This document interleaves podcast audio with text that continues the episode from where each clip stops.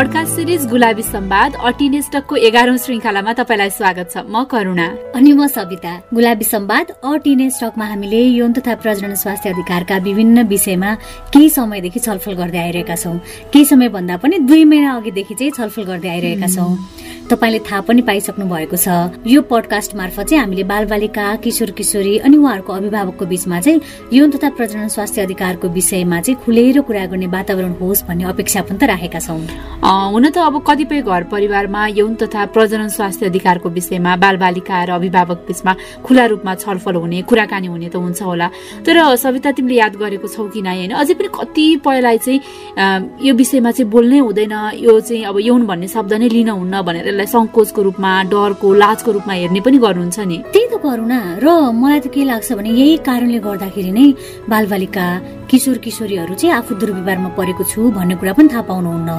किनकि अब हामीले हाम्रो पडकास्टको नव श्रृङ्खलामा राम्रो छुवाई र नराम्रो छुवाईको बारेमा कुरा गर्दाखेरि पनि केही किशोर किशोरीले त छुवाई पनि राम्रो र नराम्रो हुन्छ र भनेर प्रश्न पनि त गर्नुभएको थियो नि। र यही कारणले गर्दा त अब आफू दुर्व्यवहारमा परेको छु भन्ने अथवा मलाई कसैले दुर्व्यवहार गरिराखेको छ भन्ने पनि उहाँहरूलाई थाहा हुँदैन। त्यही भएर त हामीले आजको हाम्रो पडकास्ट सिरिज गुलाबी सम्वाद अर्टिन स्टकमा चाहिँ आफू दुर्व्यवहारमा परेको छु भनेर चाहिँ कसरी थाहा पाउने भन्ने बारेमा नै छलफल गर्न लागेका छौँ होइन त गर्न एकदमै हो सविता। मलाई चाहिँ आज भोलि सम्झिँदा लाग्छ कि म त एकपटक होइन दुई पटक होइन धेरै पटक। कहिले आफ्नै मान्छेबाट कहिले नचिनेको मान्छेबाट कहिले अब शिक्षकहरूबाट चाहिँ दुर्व्यवहारमा परिरहेको रहेछु भनेर अहिले चाहिँ मैले महसुस गर्छु कि त्यति बेला थाहा नभए पनि। त्यही त करुणा। तिमीलाई भनिहाल्छु है त। म त्यस्तै चार पाँच कक्षामा पढ्दाखेरि हो होइन। मसँग पढ्ने केही साथीहरू चाहिँ मभन्दा अलिक ठुला थिए। अझ भनौँ उनीहरूको शारीरिक विकास चाहिँ भइसकेको थियो होइन। ती साथीले कहिले होमवर्क गरेनन् कक्षामा सरले सोद्धाखेरि सोधेको कुरा जानेनन् भने सरले उनीहरूको ढाडमा धेरै बेर मुसारे जस्तो गर्नुहुन्थ्यो कि। अनि बल्ल पिट्नुहुन्थ्यो। अझ कहिले काहीँ त बिना कुनै प्रसङ्ग सर्टको अगाडिको खल्ती हुन्थ्यो कि त्यो बेलामा होइन केटीहरूको पनि। अनि त्यो खल्तीमा के राखेको छौ भन्दै खल्तीभित्र हात हालेर चलाइराख्नुहुन्थ्यो कि। अब त्यति बेला त्यो सरले गरेको कार्य गलत हो भन्ने थाहै थिएन मलाई होइन? साथीलाई पनि थाहा थिएन पक्कै पनि। साथीको सर्टको खल्तीभित्र हात हालेर चाहिँ उहाँले के गर्नुहुन्छ भन्ने कुरा चाहिँ कस्तो त्यो जिज्ञासा हुन्थ्यो कि? किन भन्दा एउटा पेन हुन्थ्यो कहिले काहीँ नत्र भने त्यो केही पनि हुँदैन थियो। अब त्यो कुरा अहिले सम्झिँदाखेरि चाहिँ त्यो दुर्व्यवहार रहेछ भन्ने बुझ्दाखेरि चाहिँ कस्तो नरमाइलो लाग्छ कि अहिले? त्यही त सविता। अब यस्तै कारणले गर्दा जस्तो लाग्छ कि सविता मलाई चाहिँ बालबालिकाहरू यौन दुर्व्यवहारमा पर्ने बलात्कारमा पर्ने र फेरि अब यसमा त हाम्रै कमजोरी पनि छ जस्तो लाग्छ। किनकि हामीले नै त अब हो नि बालबालिकालाई केही सोधे भने तेरो सिक्ने बेला भएको छैन यसको बारेमा कुरा गर्ने बेला भएको छैन। यो त अहिले आफै जान्छ ठुलो हुँदै गएपछि हुर्किँदै गएपछि थाहा पाउने कुरा हो। अनि किन जान्ने हुन पर्यो भनेर उल्टै हप्काउने गाली गर्ने अथवा कसैलाई चाहिँ मजाक बनाएर उसले सोधेको प्रश्नलाई नै लिएर चाहिँ खिसिटिउरी गर्ने पनि कति धेरै छौँ। र चाहिने कुरा सिकाउनु भन्दा पनि नचाहिने कुरामा चाहिँ उसलाई चाहिँ हामीले बारम्बार गाली गरिराख्छौँ। एकदमै करुणा त्यो त। अब हामी मध्ये कतिलाई कसरी थाहा पाउने त आफू दुर्व्यवहारमा परेको छु भनेर भन्ने लाग्न सक्छ होइन? अब आफू दुर्व्यवहारमा परेको छु भन्ने कुरा कसरी थाहा पाउने भने नि मलाई चाहिँ कस्तो लाग्छ भने कसैले चाहिँ मेरो अगाडि मेरो शारीरिक बनावटलाई लिएर केही भन्दैछ जस्तै हुन्छ नि तपाईँ त कस्तो सुन्दर हुँदो रहेछ तपाईँको आँखा कति राम्रो तपाईँको कपाल त झन् के कुरा गरौँ र भनेर मेरो बारेमा चाहिँ अनावश्यक रूपमा तारिफ गर्दैछ भने त्यो पनि एक किसिमको दुर्व्यवहार हो भन्ने कुरा चाहिँ मैले बुझ्नुपर्छ जस्तो लाग्छ कि मलाई? र त्यो सँगसँगै मलाई लागेको चाहिँ अनावश्यक रूपमा यौनलाई लिएर चाहिँ भद्दा मजाक गर्न खोज्ने अब त्यो नराम्रो जोक्सहरू भन्ने अनि नराम्रो खालको शारीरिक हाउभाउ गर्ने जस्ता व्यवहारहरू भएका छन्। या भनौँ कसैले चाहिँ तपाईँको अगाडि त्यस्ता खालका गतिविधिहरू गरेको छ भने पनि त्यसलाई चाहिँ हामीले आफूमाथि यौन दुर्व्यवहार भइराखेको छ यो पनि दुर्व्यवहार हो भनेर चाहिँ थाहा पाउन सकिन्छ। तिमीले याद गरेको छौ करुणा हामी चाहिँ कहिले काहीँ के गर्छौँ भने अघि भन्यौँ नि हामीले राम्री भन्दाखेरि त्यस्तो भने जिस्कायो भने कहिले काहीँ हामीले त्यस्ता व्यवहारहरूलाई चाहिँ व्यवस्था गर्छौँ एकदमै। अनि राम्री भन्यो भने त मख परिदिन्छौँ कि हामी। कसैले एकोर हेरिरहेको छ भने हेरोस् न त भनेर हामीले यत्तिकै छोडी पनि रह हुन्छौँ होइन? यसले गर्दा त त्यो व्यक्तिको मनोबल बढ्छ नि त होइन र? हो नि सविता अब बालबालिकालाई उनीहरूको इच्छा बेगर छुने सुमसुमाउने किस गर्न खोज्ने माया गर्न खोज्ने जस्ता त्यो व्यवहारले गर्दा उनीहरू शारीरिक रूपमा मात्रै नभइकन मानसिक रूपमा पनि बारम्बार दुर्व्यवहारमा परिरहेका हुन्छन्। र जुन कुरा चाहिँ उनीहरूले थाहासम्म पनि पाउँदैनन्।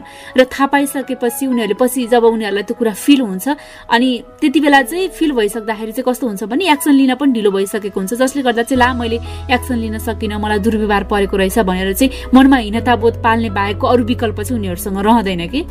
करुणा न त्यसो भए यसो गरौँ न त। आफू दुर्व्यवहारमा परिरहेको छु भन्ने कुरा चाहिँ कसरी थाहा पाउने भनेर हामीले एजस्पी राईसँग कुरा गरेको थियौँ नि। त्यही कुरा नै सुनाउ न त हुँदैन? हुन्छ सविता। दुर्व्यवहार भनेको चाहिँ एउटा मान्छेदेखि अर्को मान्छेसम्म एकदमै फरक पर्ने कुरा हो होइन? जुन कुरा मलाई दुर्व्यवहार लाग्न सक्छ त्यो कुरा अर्को मान्छेलाई दुर्व्यवहार नलाग्न सक्छ। जस्तै गर्ने मान्छेको इन्टेन्सनमा त्यसमा पनि फरक पर्छ। जस्तै मैले कसैलाई एकदमै राम्रो मनसायले उसलाई अँगालो हाल्न खोजिरहेको छु भने जसलाई अँगालो हाल्न खोजिरहेको छु उसलाई त्यो मन परेन भने त्यो दुर्व्यवहार पनि हुनसक्छ होइन? त्यो दुर्व्यवहार हो कि होइन भनेर चाहिँ एकदमै सानो एउटा एकदमै धमिलो लाइन छ। तर हामीले डेफिनेटली दुईवटा कुरालाई चाहिँ दुर्व्यवहार हुने भनेर चाहिँ एकदम राम्रोसँग भन्न सक्छौँ होइन? जस्तै अब हामीले एउटा कुरा चाहिँ सब जुन सबैजनालाई थाहा नै छ यौन दुर्व्यवहार होइन? त्यो चाहिँ अब कुनै पनि मान्छेले आफ्नो अनुमति र सहमति बिना नै कसैले तपाईँलाई छोएमा अथवा नराम्रो चित्रहरू देखाएमा त्यस्तो कुराहरू चाहिँ सबैलाई आफ्नो अनुमति बिना यौन यौनजन्य कुनै पनि कुरा गरेमा त्यो चाहिँ यौन दुर्व्यवहार नै हो। त्यो बाहेक अरू भनेको चाहिँ अब एकदमै धमिलो छ जस्तै अब लैङ्गिक आधारमा दुर्व्यवहार होइन? जस्तै अब तपाईँलाई महिला भएकै कारण अथवा तपाईँलाई लैङ्गिक अल्पसङ्ख्यक भएकै कारण कसैले केही कुरा नराम्रो कुरा भन्छ हरेकचोटि यौनिक कुराहरू देखाउँछ त्यो भने चाहिँ त्यो चाहिँ लैङ्गिकतिर जान्छ। सो यसरी नै यो एकदमै फाइन लाइन छ तर हो कि होइन भनेर थाहा चाहिँ पाइन्छ। यदि तपाईँको अनुमति र सहमति बिना यो दुईवटा शब्दहरू अनुमति र सहमति बिना कसैले यस्तो तपाईँलाई नमन पर्ने कुराहरू गरिरहेछ भने शारीरिक हिसाबमा मानसिक तनाव दिने हिसाबमा भने त्यो चाहिँ दुर्व्यवहार हो। हजुर जस्तै हामीले कतिपय भाइ बहिनीसँग कुराकानी गर्दाखेरि चाहिँ उहाँहरूले म अहिलेसम्म पनि दुर्व्यवहारमा परेको छैन मलाई थाहै छैन यसको बारेमा मैले त फेस गरेको छैन भन्नुहुन्छ। के त्यस्तो हामी दुर्व्यवहारमा पर्दै नपरेको केस पनि हुन सक्छन् कि उहाँहरूलाई सही तरिकाले दुर्व्यवहार भनेकै के हो गुड टच ब्याड टच भनेकै के हो भनेर थाहा नदिन सक्दा चाहिँ त्यस्तो भएको हो जस्तो लाग्छ हजुरको विचार ओके सो हामी चाहिँ सानो सानो बच्चाहरूलाई एकदमै पाँचदेखि दस वर्षसम्मको बच्चाहरूलाई चाहिँ तपाईँको शरीरमा कुन कुन भागमा चाहिँ छुँदा र नछुँदा हुन्छ भनेर त्यस्तो कुराहरू सिकाउँदाखेरि चाहिँ हामीले चाहिँ उहाँहरूलाई चाहिँ स्विमिङ कस्टम हुन्छ नि। हो त्यसले जुन जुन ठाउँ ढाक्छ त्यो ठाउँहरूमा चाहिँ यदि कसैले छोएमा त्यो चाहिँ भन्नुपर्छ भनेर सिकाउँछौँ कि आफ्नो टिचरहरूलाई आफ्नो परिवारलाई भन्नुपर्छ भनेर सिकाउँछौँ होइन? तर डेफिनेटली त्यति मात्र होइन। त्यो चाहिँ उनीहरूलाई अझै सजिलो होस् राम्रोसँग बुझोस् एकदमै सिम्पल वेमा बुझाउने गरी त्यसरी भनेको। तर हुँदै नहुने भने जस्तै अब अहिले वर्ल्डभरिको डेटा हेर्ने बेला एउटा एकदमै टु थाउजन्ड टुवेल्भमा होला। टु थाउजन्ड टुवेल्भमा चाहिँ के भन्ने? हरेक दिनमध्ये एक महिलालाई चाहिँ यौन दुर्व्यवहार हुन्छ भनेर भनेको थियो होइन? तर यो डेटा टु थाउजन्ड एटिनसम्म आइपुग्दाखेरि चाहिँ हरेक एट्टी वान पर्सेन्ट अफ वुमेनलाई चाहिँ सेक्सुअल हरासमेन्ट भएको छ भनेर आयो कि? अनि रिपोर्टको डेटा चाहिँ एकदमै कम छ। एसएसपी राईले भन्नुभएको जस्तै यौन दुर्व्यवहारमा परेको छु भनेर थाहा पाउनको लागि चाहिँ सबैभन्दा पहिले त आफूलाई अर्को व्यक्तिले गरेको व्यवहारले असहज भएको छ कि छैन? उसले गरेको व्यवहार कस्तो छ भनेर केलाउनु पर्यो? र त्यो व्यवहारको बारेमा चाहिँ प्रष्ट हुनु पर्यो। जब हामी प्रष्ट हुन्छौँ तब बल्ल हामीले हामी माथि दुर्व्यवहार भइरहेको छ भनेर थाहा पाउन सक्छौँ भनेर जानकारी दिनुभएकोमा एसएसपीजीलाई धेरै धेरै धन्यवाद। र त्यति मात्रै नभइकन नि सविता मलाई लागेको चाहिँ अनुमति बिना चुन्ने जिस्काउने इसारा गर्ने आँखा झिम्क्याउने सामाजिक सञ्जाल मार्फत चाहिँ नराम्रा अझ प्रष्ट रूपमा भन्दा चाहिँ नग्न तस्बिरहरू पठाउने अथवा नराम्रा म्यासेजहरू पठाउने जस्ता व्यवहारहरू पनि यौन दुर्व्यवहार हुन्। र त्यस्ता गतिविधिहरू आफूले फिल गरेको छु अथवा आफूले भोगेको छौँ भने चाहिँ हामीले ए मलाई दुर्व्यवहार भएको छ भनेर पनि हामीले थाहा पाउन सकिन्छ। एकदमै। र यस्तै खालको दुर्व्यवहारले गर्दाखेरि त हो नि बाल मस्तिष्कमा चाहिँ पछिसम्म पनि नकारात्मक असर परिरहेको हुन्छ होइन? उनीहरूले आफूले आफैलाई नै नराम्रो सोच्न थाल्ने अरूको अगाडि आफ्नो कुराहरू भन्न नसक्ने खुलेर कुरा गर्न नसक्ने अनि अब एक्लै बस्न रुचाउने जस्तो व्यवहार पनि देखाउन थालिरहेको हुन्छ नि त। र मलाई चाहिँ यस्तो बेलामा बुबा आमा र उनीहरूका अभिभावकले चाहिँ अझै ख्याल गर्नुपर्छ विशेष ध्यान चाहिँ दिनुपर्छ जस्तो लाग्छ कि सविता? र त्यो कसरी भने नि अब आफ्ना बालबालिका कोसँग अलि डराएका भएका छन्। कसको नजिक जान चाहिँ उनीहरू खोज्दैनन् अथवा मान्दैनन्। घरमा आउने आफन्तहरूमा चाहिँ को आउँदा उनीहरूले चाहिँ खुसी भाव व्यक्त गर्छन् र को आउँदा चाहिँ इन्सेक्योर फिल गर्ने डराउने जस्तो गरेका छन् भनेर पनि हामीले ख्याल राख्न चाहिँ एकदमै आवश्यक छ। साथसाथै उनीहरूका गतिविधिहरूमा चाहिँ केही परिवर्तन आएका छन् कि छैनन् भनेर पनि अभिभावक तथा बुबा आमाले चाहिँ विचार गर्नुपर्छ। एकदमै करुणा। र यस्तो बेलामा चाहिँ बालबालिकालाई दोष लगाउने तिमीले गलत गर्यो तिमी यस्तो उस्तो भन्नुभन्दा पनि एकदम नम्र भएर चाहिँ तिमीलाई के भएको हो? मलाई पनि तिमी जत्रै हुँदाखेरि जस्तै हुन्थ्यो एक्लै बस्न मन पर्थ्यो। तर तिमीलाई थाहा छ मैले त सबै कुरा आमा बुवालाई भन्थेँ नि। तिमीले त कसैलाई पनि भन्दैनौ भन्ने जस्तो कुराहरू गरेर पनि उसलाई के भइरहेको छ भन्ने कुरा पत्ता लगाउन सकिन्छ होला कि? तिम्रो कुरा एकदमै ठिक हो सविता। किनकि अब हामीले जब साथी जस्तो व्यवहार गर्छौँ साथीसँग कुरा गरे जस्तै गरेर आफ्नो बालबालिकासँग चाहिँ हामीले कन्भर्सेसन गर्छौँ भने चाहिँ त्यसले चाहिँ बालबालिकालाई आफूलाई के भइरहेको छ भनेर खुल्नको लागि पनि उनीहरूलाई सहयोग पुर्याउँछ। सँगसँगै आफ्ना आमा बुबा अथवा आफूभन्दा ठुला दाई दिदीहरूसँग चाहिँ मैले भन्नुपर्ने रहेछ। उनीहरूले चाहिँ मलाई सहयोग गर्ने रहेछन् भनेर उनीहरूले सिक्योर वातावरण पनि फिल गर्न सक्छन् भन्ने चाहिँ लाग्छ कि? करुणा अघि हामीले यौन दुर्व्यवहारका कारण बालबालिकामा मानसिक असर पर्छ भनेका थियौँ नि। कस्तो कस्तो असर पर्छ? के कस्ता व्यवहारहरू देखाउँछन् भनेर चाहिँ हामीले कुरा गरेका थियौँ नि मनोविद करुणा कुँवरसँग। एकैछिन उहाँको कुरा सुनौ न त अब। हुन्छ सविता। धेरै खालको मनोसामाजिक असरहरू उहाँहरूमा तत्कालै आउने गर्छ। ममा पनि केही त्रुटि थियो कि भन्ने खालको ग्लानीहरू पनि आउने गर्छ। किनभने त्यसमा पर्दाखेरि चाहिँ मैले चाहिँ के गर्न सकिनँ या मैले आफूलाई नै सुरक्षा दिन सकिनँ भन्ने खालको ग्लानी हुने आफैले आफैलाई चाहिँ गाली गर्ने रिसाउने होइन? धेरै खालको भावनाहरू आउने गर्छ। र कतिपय बालबालिकाहरू किशोर किशोरीहरू चाहिँ विशेष गरी चाहिँ जसले चाहिँ अब्युज गर्छ उनीहरूले चाहिँ धम्की दिएको हुन्छ डर देखाएको हुन्छ। कसैलाई भन्यो भने चाहिँ उनीहरूलाई उनीहरूलाई अथवा उनीहरूको परिवारका सदस्यहरूलाई मार्नेसम्मको धम्कीहरू पनि भइरहेको हुनसक्छ। जसका कारणले गर्दाखेरि चाहिँ उनीहरू धेरै लामो समयसम्म चाहिँ कसैलाई न भन्न खालको पनि प्रवृत्ति भइरहेको हुनसक्छ। लुकाउनु यो लुकाउँदाखेरि नै सबैजनाको सुरक्षा हुन्छ भन्ने खालको बुझाइहरू भइरहेको हुनसक्छ। त्यसबाहेक पनि शारीरिक समस्याहरू पनि आउने गर्छ जस्तै छिटो छिटो पिसाब लाग्नु यौनाङ्गहरू दुख्नु शरीरहरूमा चाहिँ धेरै मसल्सहरू एकदमै दुख्नु लगायतका त्यस्ता असरहरू पनि देखिन्छ देखिन्छ र निन्द्राहरू गडबड हुनु होइन? अनि डरलाग्दो सपनाहरू देखिनु अनि कतिपय बालबालिकाको हकमा हेर्ने हो भनेदेखि चाहिँ उनीहरूलाई स्कुल जान पनि मन लाग्दैन। नजिकको मान्छे आफ्नो आफन्तजनबाट भएको छ भन्यो भने त छन् ऊ चाहिँ घरैभित्र पनि उसले असुरक्षा महसुस गरेर घरबाट बाहिर निस्किन पनि नसक्ने र बाहिर गएर कसैसँग कुरा गर्न नसक्ने जस्तो खालको महसुस पनि हुने गर्छ। कतिपय बालबालिकाहरू र किशोर किशोरीहरू उनीहरूमा चाहिँ आत्महत्याको सोचाइहरूसम्म पनि आउने गर्छ। त्यसले चाहिँ एकदम निराशापन डेभलप गर्ने हुँदाखेरि चाहिँ अनि कतिपय स्थितिमा चाहिँ लामो समयसम्म चाहिँ सेक्सुअल अब्युजबाट गुज्रिरहेको छ लगातार पटक पटक उसलाई यौन हिंसाहरू हुँदै आइरहेको छ भन्यो भने चाहिँ त्यस्तो स्थितिमा चाहिँ कतिपय किशोर किशोरहरू बालबालिकाले पनि आफूले चाहिँ आत्महत्या प्रयास गरेको र आत्महत्या नै जस्तो कुरा पनि भएको चाहिँ पाइन्छ। अचानक बालबालिकाले खाना छोडेको हुनसक्छ तर्सिएर उठ्ने हुनसक्छ होइन? अनि कहिलेकाहीँ त ऊ बाथरुम जाने कुराहरूमा पनि याद गर्न सक्नुहुन्छ बारम्बार गइरहेको आइरहेको छ या के ठोक्राइराख्ने होइन?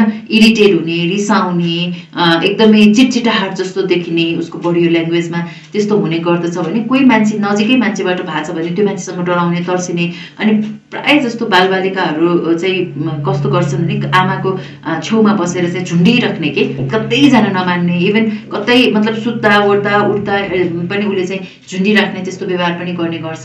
जस्तै यस्तो अब दुर्व्यवहारमा परेर यी व्यवहारहरू फेस गरिराखेका बालबालिकासँग चाहिँ उनीहरूको अभिभावकले कसरी कोप गर्नुपर्छ? तत्काल अभिभावकले आफ्नो बालबालिका अफिसमा परिराखेको छ भने थाहा पाइसकेपछि उनीहरूले गर्न सक्ने चाहिँ के हुनसक्छ इमिडिएटली वास्तवमा चाहिँ धेरै जस्तो अभिभावकले चाहिँ जब आफ्नो छोराछोरीले आएर भन्न आउँदाखेरि होइन होला भनेर प्रतिक्रिया दिने गर्नुहुन्छ कि? यस्तो भएको होला भनेर उहाँले नै आफैले भन्ने त्यसरी प्रयास गर्ने गर्नुहुन्छ। सर्वप्रथम त आफ्नो छोराछोरीले आएर चाहिँ आफूलाई भएको दुर्व्यवहारहरूको बारेमा भनिरहेछ भने उनीहरूको कुरालाई विश्वास गर्नु जरुरी छ र उसलाई उसको कुरा चाहिँ सुन्नु चाहिँ जरुरी छ कि उसलाई के के भएको थियो त भनेर होइन? कतिपय स्थितिमा अभिभावकलाई पनि गाह्रो हुने गर्छ। किनभने आफ्नो छोराछोरीलाई भएको कुरा सुन्दाखेरि एकदमै नमजा लाग्नु अप्ठ्यारो हुनु र जसले त्यो दुर्व्यवहार गरेको छ ऊ प्रति नै होइन गएर चाहिँ जाइ लाग्न थाल्नु त्यो चाहिँ हुने स्वाभाविक नै हुन्छ। तर उसको कुरा सुनेर अनि उचित उसलाई चाहिँ कसरी चाहिँ सुरक्षित राखिकन चाहिँ उजुरीहरू गर्ने भन्ने कुराहरू पनि गर्नु जरुरी छ। कतिपय आफन्तजनबाट भएको दुर्व्यवहारमा चाहिँ टाल्ने कामहरू चाहिँ अभिभावकले नै गरेर हुन्छ कि।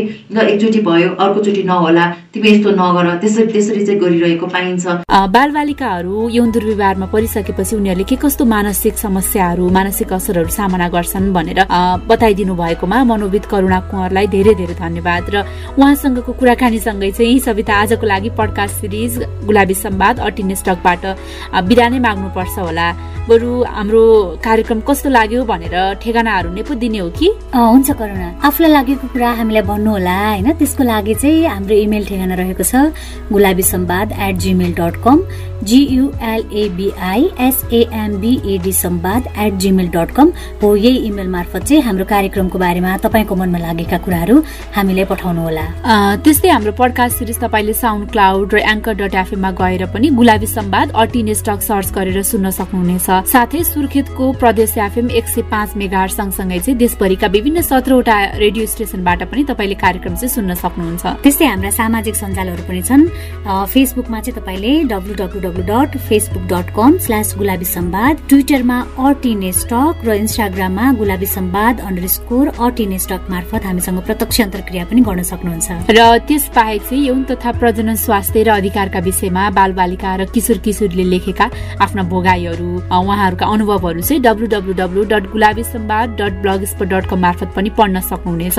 र आफ्नो पनि त्यस्तै अनुभवहरू भोगाईहरू छन् र सेयर गर्न मन लागेको छ भने हामीलाई लेखेर वा रेकर्ड गरेर हाम्रो इमेल ठेगानामा पठाउन सक्नुहुन्छ। हामी तपाईँको इमेलको प्रतीक्षामा बस्नेछौँ भन्दै आजको लागि गुलाबी सम्वाद अ टिनेस्टको एघारौं श्रृङ्खलाबाट बिदा दिनुहोस्। नमस्ते।